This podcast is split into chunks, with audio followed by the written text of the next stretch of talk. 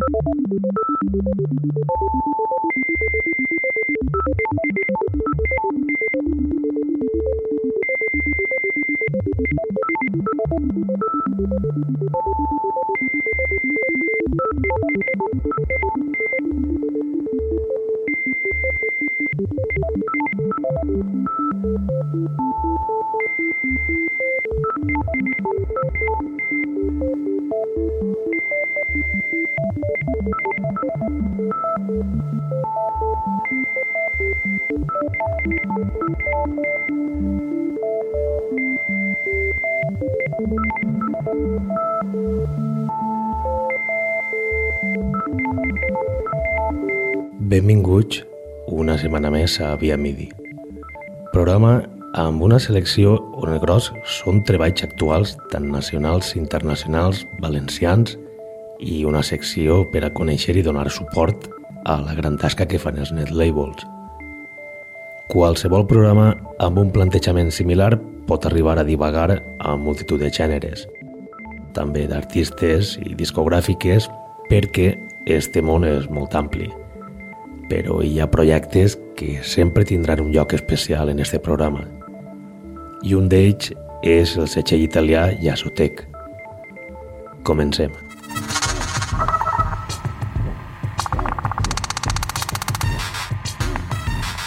No és la primera vegada que Yasotec apareix a Via Midi ni crec que serà l'última pel bon plantejament que ofereixen, per l'originalitat i per ser una aposta tan sèria en un estil complicat com és la fusió del jazz amb el techno. Que no és que siga res nou perquè aquest tipus de fusions ja es donava amb el house francès, amb el Chicago i el Detroit, amb l'acid jazz, amb el nu jazz i amb altres annexos musicals. Però Jazzotech és un projecte nou que ha apostat directament per donar-li més protagonisme al jazz que a l'electrònica. I ho fa amb músics especialitzats en la matèria, autèntics figures en el camp musical. Este 26 d'octubre, Yasotec llança la quinta referència amb un EP de Gamma Paua, formació amb seu a Milà que està composta per quatre dels músics més talentosos d'esta ciutat, com són el compositor japonès i músic d'orquestra Kak Sato el professor de música electrònica i baixista Walter Prati, el DJ, compositor i dissenyador de so italo-argentí Paine Quadrelli i el trompetista Mario Mariotti, un quartet experimental que promou el redescobriment del jazz lliure i d'improvisació contemporània. Storytelling té un total de quatre pistes originals i una versió de Painé. Escoltem la tercera, Novosa, tema que, a més, compta amb la participació del saxofonista Yanni Mimo.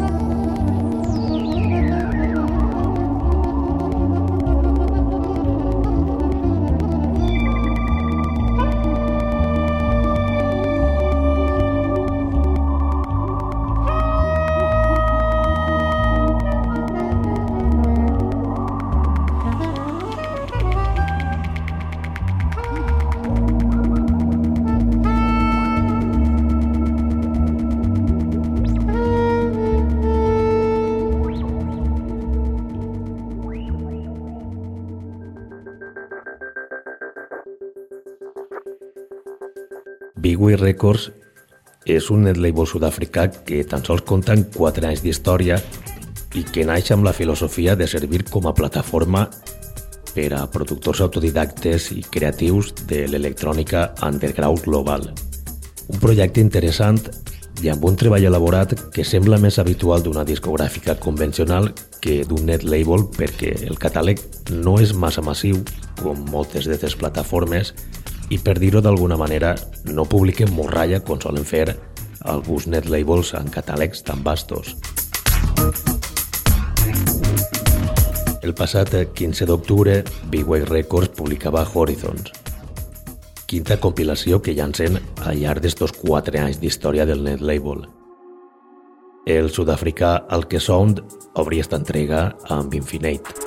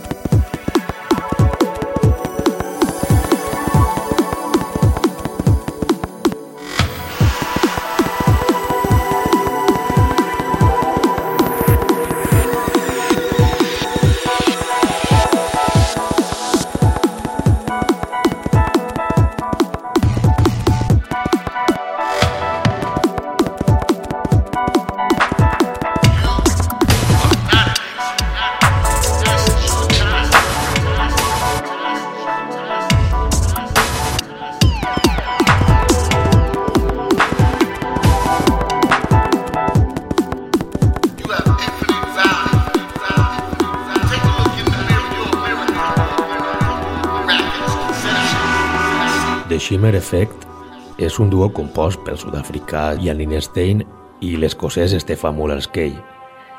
Ells dos són qui s'encarreguen de la segona pista de Horizons, anomenada Troposfera. Horizons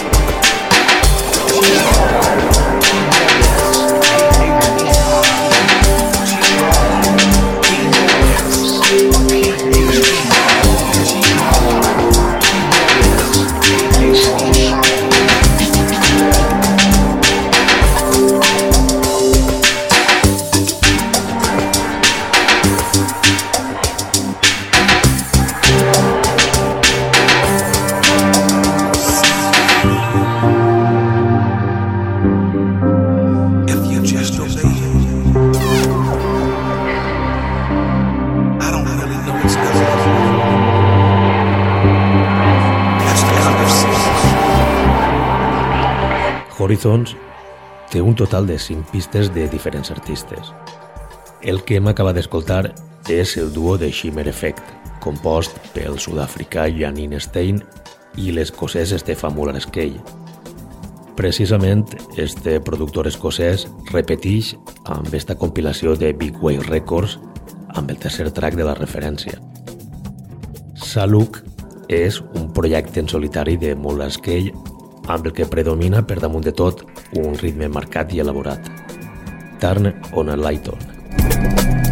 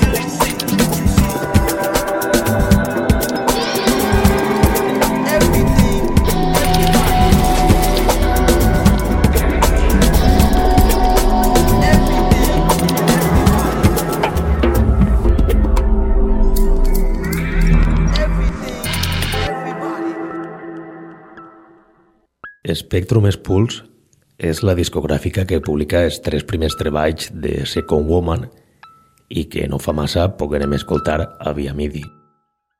Este setxell nord-americà alberga referències interessants com l'últim àlbum del productor de Chicago Brett Noak anomenat The Mansion. Una mescla contemporània d'estructures robustes, arreglos melòdics dissenyats molt metòdicament i una exploració d'electrònica d'alta fidelitat.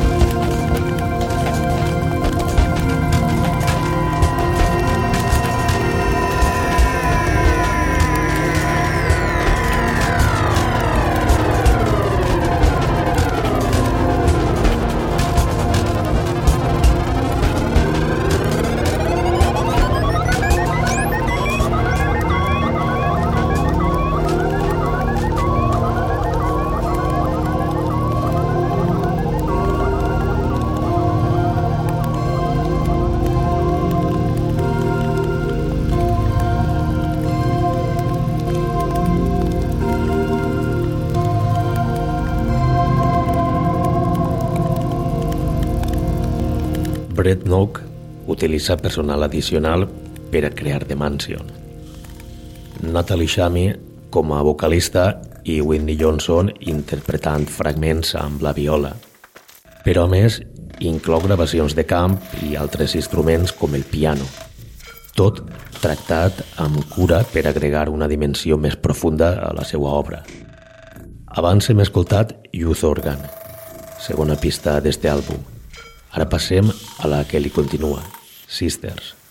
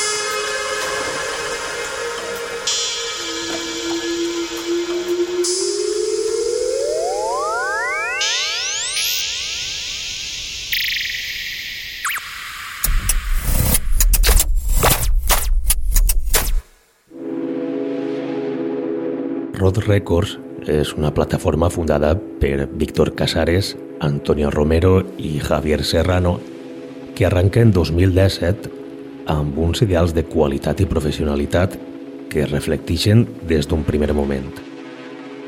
La discogràfica està orientada cap al techno, però amb un espectre d'estil molt més ampli on trobem una vessant dirigida cap a un gènere més experimental. Fins ara mateix, Road Records porta publicades set entregues i en breu firma una octava a mans ni més ni menys que d'Eduardo de la Calle.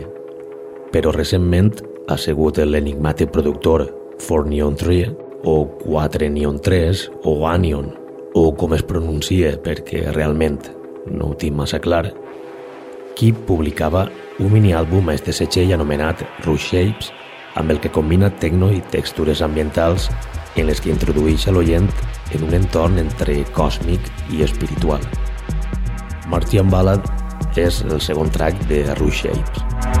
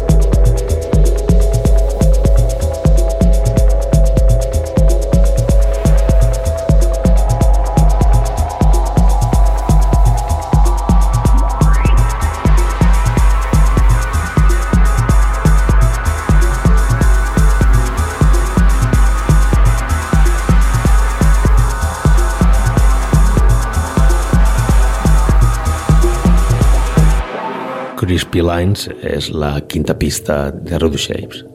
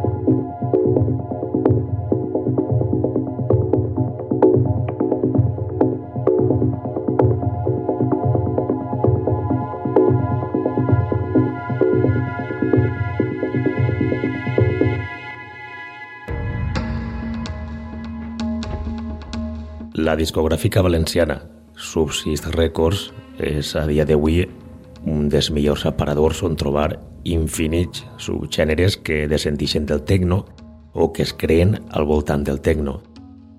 Pocs setxells poden enriquir tant i, el més important, sorprendre.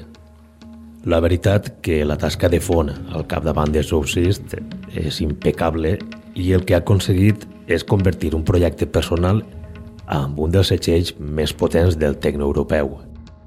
Com acaba de dir, a dia d'avui és complicat sorprendre l'oient, però Subsist ho aconsegueix en cada llançament. El passat divendres 19 d'octubre, Subsist publicava un extens àlbum de 14 pistes del francès d'Erametist anomenat Mapping the System. Un treball conceptual basat en l'exploració espacial i amb tots els prolegòmens aeronàutics. L'àlbum obri amb el tema homònim.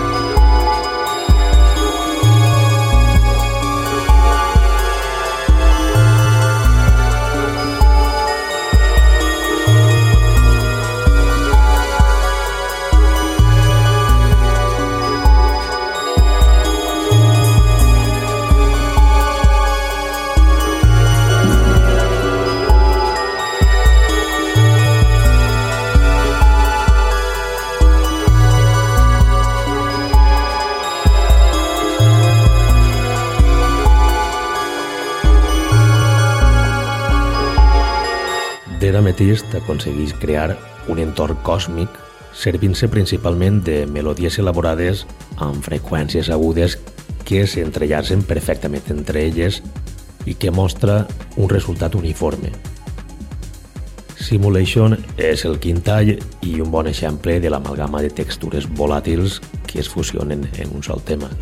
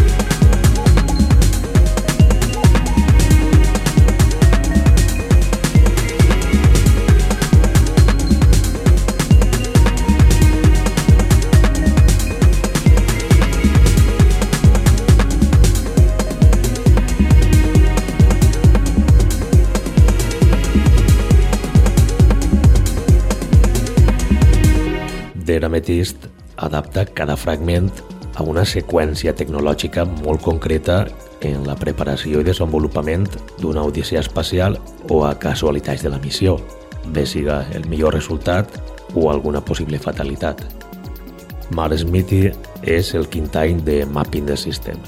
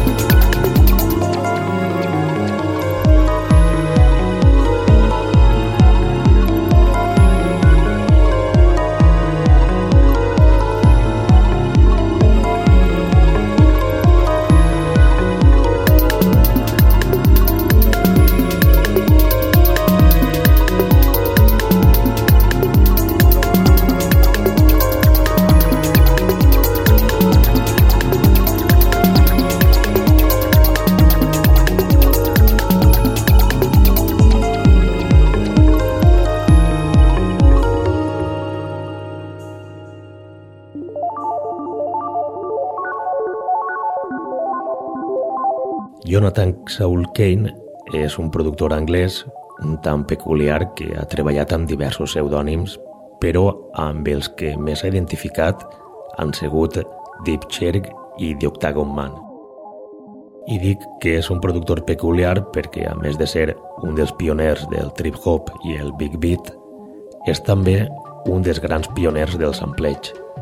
Un pioner del sampleig amb unes fonts prou singulars, ja que la majoria de vegades pillava mostres de pel·lícules xineses d'arts marcials, de westerns italians o de gèneres pornogràfics.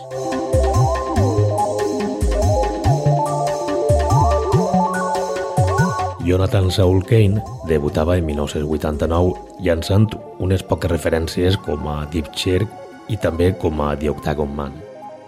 Però per acabar esta edició anem a recuperar un dels grans treballs de The Octagon Man publicat en 1990, The Dement Spirit. I acabem amb el primer tall de la cara B, Okugai Eikaka.